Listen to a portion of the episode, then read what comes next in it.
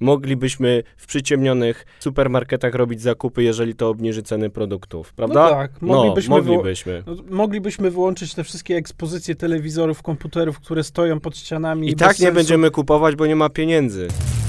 Dzień dobry, witamy Państwa w kolejnym odcinku Spięcie biznesalert.pl wraz z Wojtkiem Jakubikiem. Porozmawiamy dzisiaj o tym, co kryzys energetyczny przyniesie nam na przyszły rok i czy będzie to kryzys gospodarczy. Wojtku, my się poruszamy w, w, energetyce na co dzień. W zasadzie tematy energetyczne e, poruszamy w każdym spięciu, bo po to to spięcie też jest. Chciałbym zapytać się ciebie w kontekście kryzysu energetycznego, jak ten kryzys wpłynie na życie każdego z nas. Wiele osób w Polsce przez wiele lat myślało, że energetyka to jest taka, taka dziedzina gospodarki, która gdzieś tam idzie swoją ścieżką, że nie jest za bardzo powiązana z życiem każdego z nas, no bo jednak ceny bo prądu, prąd jest ceny, w gniazdku przecież. Prąd jest w gniazdku, woda ciepła. Przecież pamiętasz, były te teksty o ciepłej wodzie w kranie i tak dalej. No, tak. no teraz zastanówmy się, czy ta ciepła woda w kranie to już jest luksus, czy to jest um, rozpusta? Jak, jak no, patrząc na rachunki, to już się zaczyna y, robić luksus. Mamy coraz wyższe ceny wszystkich nośników energii i źródeł ciepła. Rzeczywiście dochodzi do zmiany stylu życia. Już teraz to widać, a będzie widać jeszcze mocniej zimą, kiedy zacznie się sezon grzewczy. Kryzys energetyczny polega na tym, że mamy drożyznę na rynku energii, która przekłada się na całe nasze życie.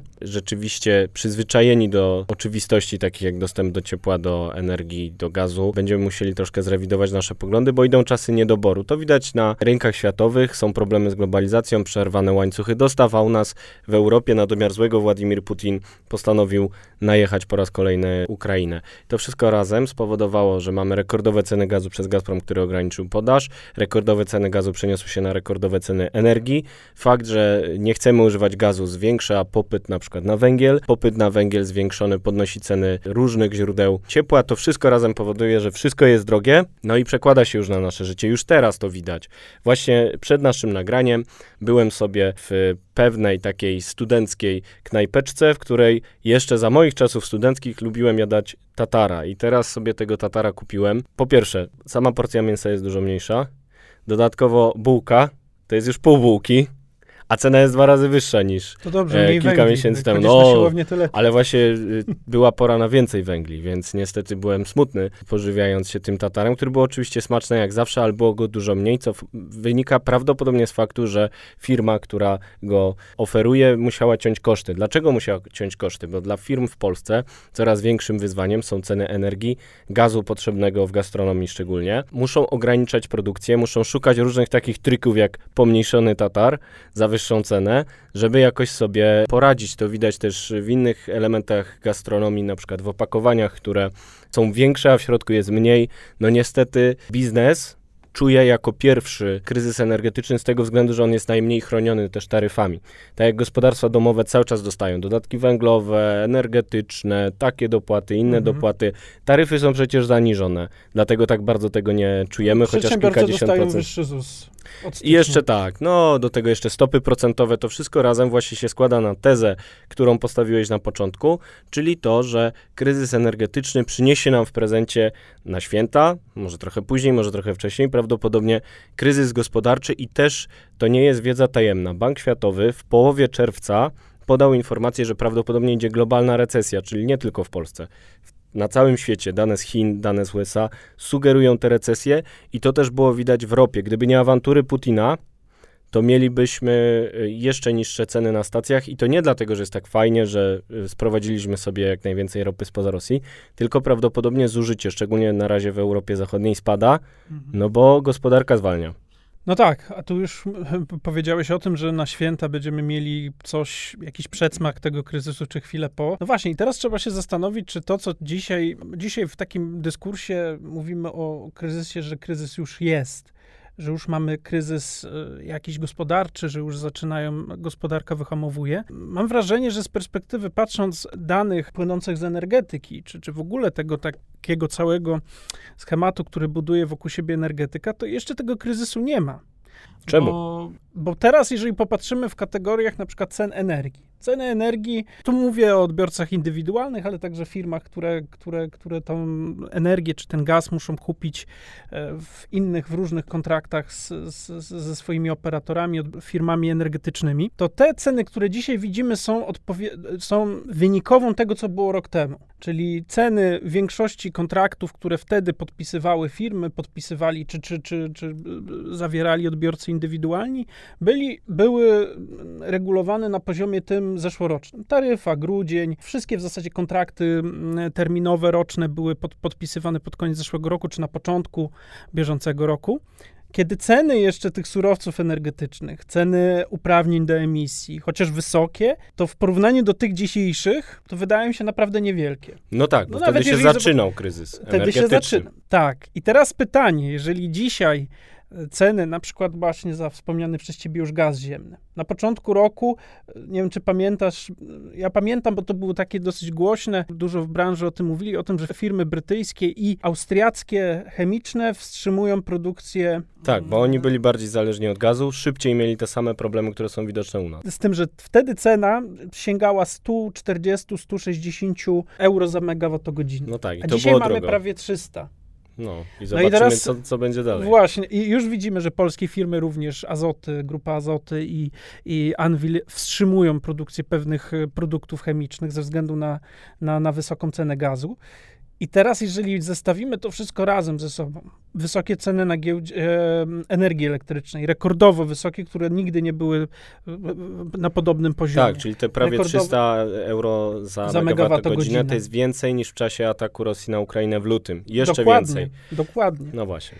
I teraz, jeżeli zestawimy te wszystkie czynniki, to znaczy to nie jest straszenie. To ja mam nadzieję, no każdy... Nie no, to są fakty. My jako, my Mówimy jako, o liczbach, my jako, my jako analitycy, to znaczy ja bym chciał, żeby to się nie spełniło i żeby, żeby te, te, te, te nasze prognozy nie były rzeczywiste, nie doszły do, do skutku. Pisaliśmy z Jędrzejem Stachurą e, o inflacji, o kryzysie gospodarczym jesienią 2021 roku. Nie każdy może przeczytał, ale to też nie była wiedza tajemna i właśnie analitycy sektora energetycznego ostrzegali, że będzie się działo to, co się dzieje teraz. Właśnie wtedy my napisaliśmy taki tekst, wysokie ceny energii, inflacja, taka sytuacja. No i to się właśnie mhm. dzieje, więc my nie straszymy, tylko no po prostu to nam wychodzi z cyferek. No właśnie, a cyferki pokazują, że tutaj głośno w ostatnich dniach jest o, o pewnym intrze jednej z telewizji, o tym, że podwyżki ciepła będą tylko 40%.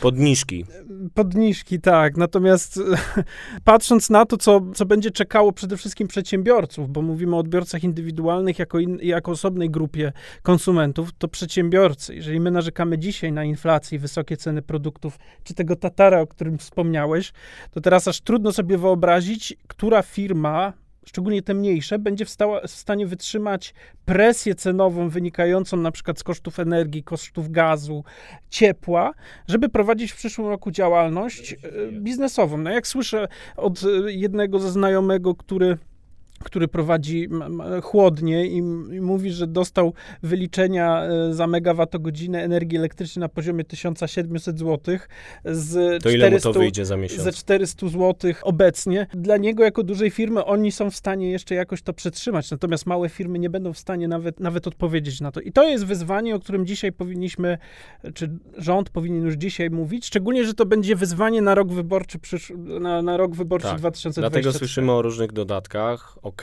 pomoc y, społeczna tego rodzaju, być może lepiej wycelowana je, jest zasadna, bo cała Europa to robi. Komisja Europejska znowu jeszcze w grudniu 2021 roku przedstawiła szereg narzędzi, na które się zgodzi w państwach członkowskich. Nie powie, że to jest naruszenie zasad konkurencji itp., czy tam nieuprawniona pomoc państwa. Już wtedy było wiadomo, jakie narzędzia można podjąć.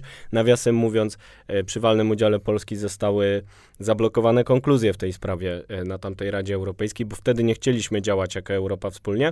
Teraz będziemy musieli działać. No i trzeba będzie zacisnąć pasa, czyli te czasy dobrobytu prawdopodobnie na jakiś czas odchodzą w niebyt i idą czasy niedoboru, czasy braków, czasy, w których będziemy czekać dłużej na naszego ukochanego iPhone'a, albo co gorsza, będziemy musieli z niego zrezygnować.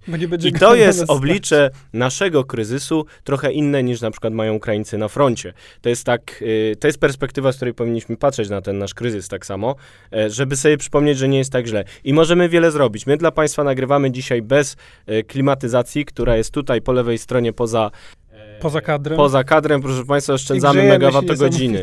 Każda oszczędzana megawattogodzina to strata Władimira Putina. Tak jest. Rozmawialiśmy poza anteną o tym, że moglibyśmy w przyciemnionych supermarketach robić zakupy, jeżeli to obniży ceny produktów, prawda? No tak, moglibyśmy, no, wyło- moglibyśmy. no, moglibyśmy wyłączyć te wszystkie ekspozycje telewizorów, komputerów, które stoją pod ścianami. I tak nie sensu. będziemy kupować, bo nie ma pieniędzy. Ale to nawet by było lepiej dla tych telewizorów, bo potem te telewizory trafiają na wystawę, na, na sprzedaż powystawową i, i mają piksele zepsute i tak I dalej. ludzie mogą sobie kupić trochę taniej. No więc są różne sposoby na oszczędzanie energii. Na Twitterze wielokrotnie apelowałem do e, tramwajów warszawskich, żeby przynajmniej zamykali drzwi na przystanku, bo to jest tak, że mrożą całą trasę. Mhm. Jest e, na polu, jestem z Krakowa i z dumą mówię na polu, jest plus 30, wewnątrz jest plus 10, bo tak mrożą, a potem stają, przystanek centrum Warszawy, stoi ten e, tramwaj długo na światłach, jakieś 5 minut i całe 5 minut ta niska temperatura się podnosi, no bo są cały czas drzwi otwarte, a wystarczy je zamknąć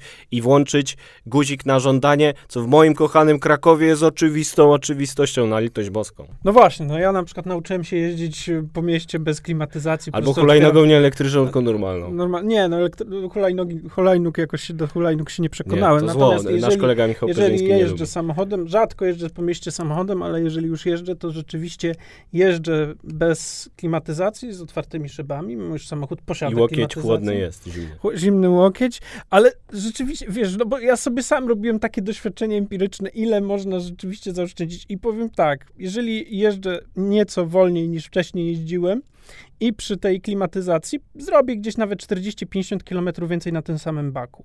I to już jest sprawdzone, jeżdżę tak już w zasadzie od dwóch miesięcy. Prostym sposobem, a wcale nie jeżdżę dużo, dużo mniejszy, dużo wolniej, bo tam 10-20 km mniej, ale rzeczywiście ta prędkość i, i klimatyzacja ma wpływ na spalanie samochodu, szczególnie w mieście. No, co się przekłada oczywiście na koszty. Czyli benzyny. Międzynarodowa Agencja Energii jednak nie kłamie. Nie, akurat, akurat nie kłamie. Akurat w tym przypadku. Akurat w tym przypadku nie kłamie, Tak. więc możemy stosować sami.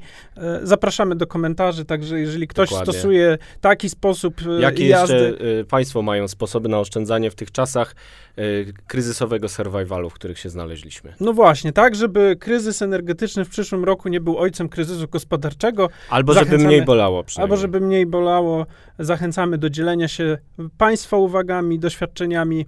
Dziękujemy za dzisiejsze spięcie. Moim e, gościem, kolegą w programie Był. był, Ale nadal jest. ale nadal pozostanie. jest Wojciech Jakubik. I ze mną był też Mariusz Marszałkowski. Dziękujemy, do usłyszenia, do zobaczenia.